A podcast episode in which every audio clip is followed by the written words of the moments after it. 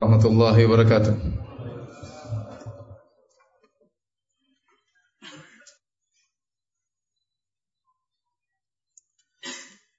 إن الحمد لله نحمده ونستعينه ونستغفره ونتوب إليه ونعوذ بالله من شرور أنفسنا وسيئات أعمالنا.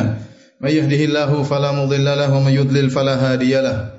وأشهد أن لا إله إلا الله وحده لا شريك له. وأشهد أن محمدا عبده ورسوله لا نبي بعده.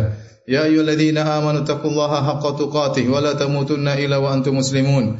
فإن أصدق الحديث كتاب الله وخير الهدى هدى محمد صلى الله عليه وسلم وشر الأمور محدثاتها وكل محدثة بدعة وكل بدعة ضلالة وكل ضلالة في النار. معاشر المسلمين أوصيكم ونفسي بتقوى الله فقد فاز المتقون. Sungguhnya di antara tanda-tanda kuasaan Allah Subhanahu wa taala Allah menurunkan hujan yang menghujani bumi dan menghujani manusia. Dan ayat-ayat yang berbicara tentang hujan sangat banyak dalam Al-Qur'an. Terkadang Allah menyebutkan hujan sebagai air untuk bersuci wa anzalna minas sama'i ma'an tahura dan kami turunkan dari langit hujan untuk bersuci. Kemudian terkadang Allah sebutkan hujan sebagai rizki. Kata Allah Subhanahu wa taala, rizqan lil ibad. Sungguhnya hujan adalah rizki bagi hamba-hambanya. Walladhi anzala minas sama'i ma'an lakum minhu syarabun wa minhu syajarun fihi tusimun. Yumbitu lakum bihi zar'a wa zaytuna wa nakhila wal a'nab wa min kulli thamarat.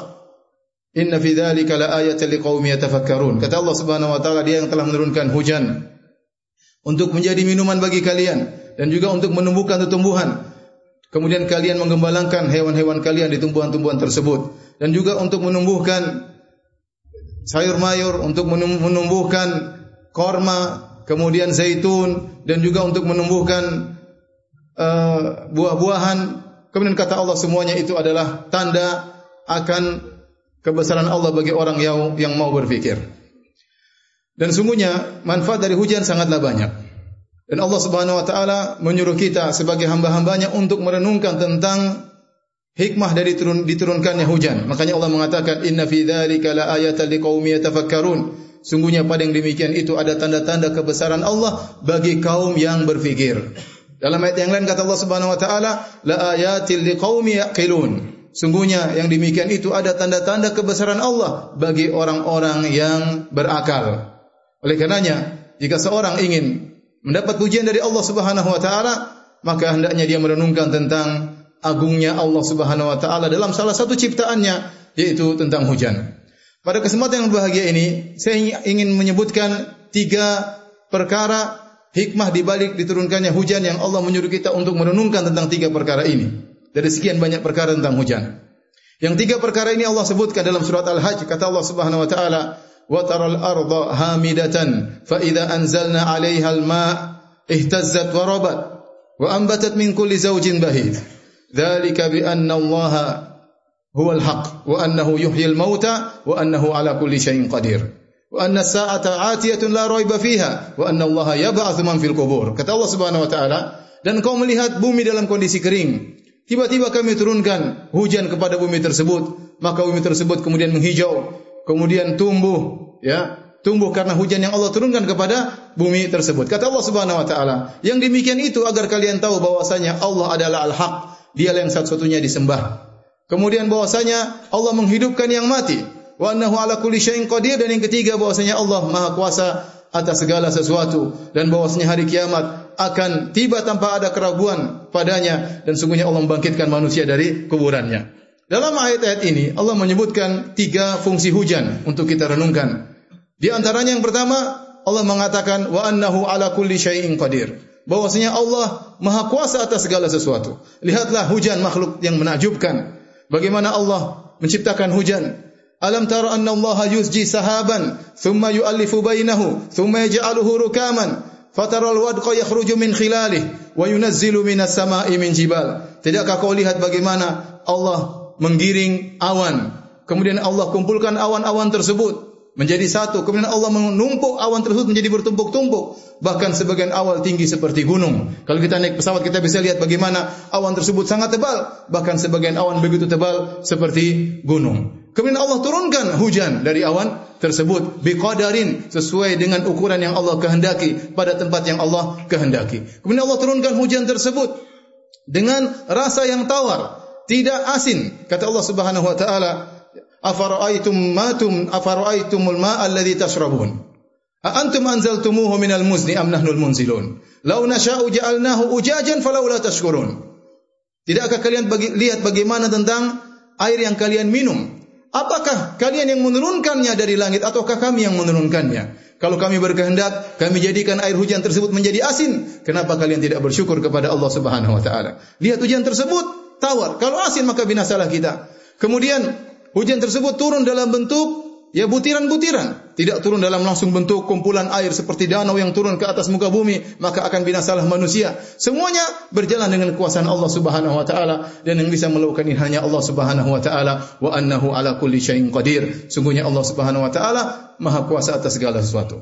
Kemudian fungsi kedua yang Allah sebutkan dalam surat Al-Hajj tentang hujan, yaitu hujan mengingatkan kita bahwasanya akan ada hari kebangkitan. Kata Allah Subhanahu wa taala wa annahu yuhyil mauta. Bahwasanya Allah Subhanahu wa taala dialah yang menghidupkan yang telah mati. Allah Subhanahu wa taala menyebutkan wa nazzalna minas samaa'i ma'an mubarakan fa anbatna bihi jannati wa habbal hasid wan nakhla basiqatin laha tal'un nadid rizqan lil ibad wa ahyayna bihi baldatan mayta kadzalikal khuruj kami turunkan hujan kemudian kata Allah Subhanahu wa taala sebagai rizki bagi hamba-hambanya Kemudian kata Allah Subhanahu wa taala di akhir ayat, "Kadzalikal khuruj." Demikianlah kami keluarkan manusia dari kuburan-kuburan mereka. Demikian juga Allah Subhanahu wa taala berfirman, "Wa huwa alladhi yursilu ar-riyaha bushran baina yaday rahmatih, hatta idza aqallat sahaban thiqalan sukunahu li baladin mayyit." فأنزلنا به الماء فأخرجنا به من كل الثمرات كذلك نخرج الموتى لعلكم تذكر لعلكم تذكرون Dialah Allah Subhanahu wa taala yang telah mengirimkan angin berhembus sebagai kabar gembira akan turunnya hujan. Kemudian Allah turunkan hujan, kemudian Allah tumbuhkan tumbuhan. Kata Allah Subhanahu wa taala di akhir ayat, "Kadzalika nukhrijul mauta." Demikianlah kami mengeluarkan mayat-mayat dari kuburan mereka agar kalian ingat, agar kalian sadar. Dengan turunnya hujan kita lihat bumi yang tadinya kering tiba-tiba bisa hidup kembali untuk mengingatkan kita bahwasanya kita yang sekarang sedang hidup suatu saat akan meninggal dunia dan pasti akan dibangkitkan oleh Allah Subhanahu wa taala. Kata Allah wa anna sa'ata atiyatun la raiba fiha wa anna Allah yab'atsu man fil qubur. Sungguhnya hari kiamat pasti terjadi, tidak ada keraguan di dalamnya dan bahwasanya Allah Subhanahu wa taala akan bangkitkan manusia dari kuburannya untuk dimintai pertanggungjawaban atas apa yang mereka lakukan selama ini. Minta dimintai pertanggungjawaban atas apa yang mereka lihat, apa yang mereka dengar, apa yang mereka ucapkan apa yang mereka komentari semuanya akan dimintai pertanggungjawaban oleh Allah Subhanahu wa taala. Aku lu qouli hadza astaghfirullah li wa lakum wa lisa'il muslimin min kulli dhanbin wa khati'ah fastaghfiruhu innahu huwal ghafurur rahim. Alhamdulillah ala ihsani wa syukru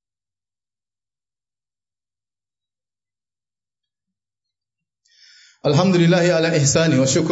taufiqihi wa amtinani wa ashhadu an la ilaha illallah wahdahu la syarika lahu ta'ziman li sya'ni. Wa ashhadu anna muhammadan abduhu wa rasuluhu da ila ridwani. Allahumma salli alaihi wa ala alihi wa ashabihi wa ikhwani. Di antara fungsi yang terpenting bagi kita tatkala kita merenungkan tentang turunnya hujan adalah kita sadar bahwasanya dzalika bi anna Allahu wal haq. Bahwasanya Allah itu adalah al-haq dialah satu-satunya yang berhak untuk disembah adapun selain Allah tidak bisa disembah. Yang bisa disembah hanyalah yang bisa mengatur hujan, yang menurunkan hujan, yang menghentikan hujan. Dialah satu-satunya yang bisa melakukan itu seluruhnya. Makanya setelah Allah menyebut tentang hujan, Allah mengatakan dzalika bi anna Allahu al-haq. Hal itu karena Allah adalah al-haq, satu-satunya yang benar yang berhak disembah. Dalam ayat yang lain juga Allah sebutkan dalam surat Al-Baqarah kata Allah Subhanahu wa taala, "Wa ilahukum ilahu wahidun la ilaha illa huwar rahmanur rahim." Dan Tuhan kalian adalah Allah Subhanahu wa taala. Ilah yang satu, Tuhan yang esa, yang Maha Pengasih lagi Maha Penyayang. Kemudian Allah sebutkan dalilnya, Allah menyebutkan inna fi khalqis samawati wal ardi seterusnya kata Allah, wa ma anzalna minas sama'i mimma'in. Dan apa yang Allah turunkan hujan dari langit sebagai bukti bahwasanya Dia adalah Tuhan yang Maha Esa yang satu-satunya berhak untuk disembah.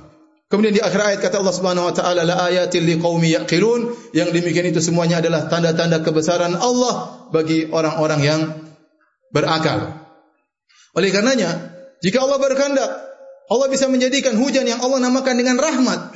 Allah bisa menjadikan hujan tersebut sebagai azab. Sebagaimana Allah jadikan hujan sebagai azab bagi kaum Nuh. Kata Allah Subhanahu wa taala, "Fa fatahna abwaabas samaa'i bima'in munhamir." Kami bukakan pintu-pintu langit dan kami turunkan hujan yang sangat keras. Untuk apa? Untuk binasakan kaum Nuh karena mereka kufur kepada Allah Subhanahu wa taala. Bahkan kalau berkehendak, Allah tidak turunkan hujan air dari langit, tetapi Allah turunkan hujan batu kepada orang-orang bermaksiat kepada Allah Subhanahu wa taala sebagaimana Allah turunkan hujan batu ya kepada kaum Lut kata Allah Subhanahu wa taala wa amtarna alaihim matara fasa'a matarul munzirin dan kami turunkan kepada mereka hujan batu dan sungguh buruk kesudahan orang-orang yang diberi peringatan oleh Allah Subhanahu wa taala. Maka tatkala kita melihat hujan turun dengan begitu derasnya, hendaknya kita ingat yang berhak untuk disembah hanyalah yang menurunkan hujan ini. Dan tatkala tidak turun hujan, maka kita minta kepada Allah Subhanahu wa taala. Sebagaimana dilakukan oleh saudara-saudara kita tatkala di Riau kemarin, di Pekanbaru kemarin, tatkala hujan lama tidak turun, sementara asap masih mengganggu mereka, maka mereka pun melakukan salat istisqa. Maka setelah itu sorenya pun hujan turun dan tidak berhenti-berhenti. Semua yang menurunkan hanyalah Allah Subhanahu wa taala. Inna Allahu malaikatahu yusalluna 'alan nabi ya ayyuhalladhina amanu sallu 'alaihi wa sallimu taslima. Allahumma salli 'ala Muhammad wa 'ala ali Muhammad kama sallaita 'ala Ibrahim wa 'ala ali Ibrahim innaka Hamidum Majid. Wa barik 'ala Muhammad wa 'ala ali Muhammad kama barakta 'ala Ibrahim wa 'ala ali Ibrahim innaka Hamidum Majid. Allahumma ighfir lil muslimina wal muslimat wal mu'minina wal mu'minat al ahya'i minhum wal amwat innaka sami'un qaribun mujibu da'wat wa ya qadhiyal hajat. Allahumma ati nufusana taqwaha وزكها أنت خير من زكاها أنت وليها مولاها. اللهم إنا نسألك الهدى والتقى. اللهم إنا نسألك الهدى والسداد. اللهم إنا نسألك الهدى والسداد. ربنا آتنا في الدنيا حسنة وفي الآخرة حسنة وقنا عذاب النار. وأقيموا الصلاة.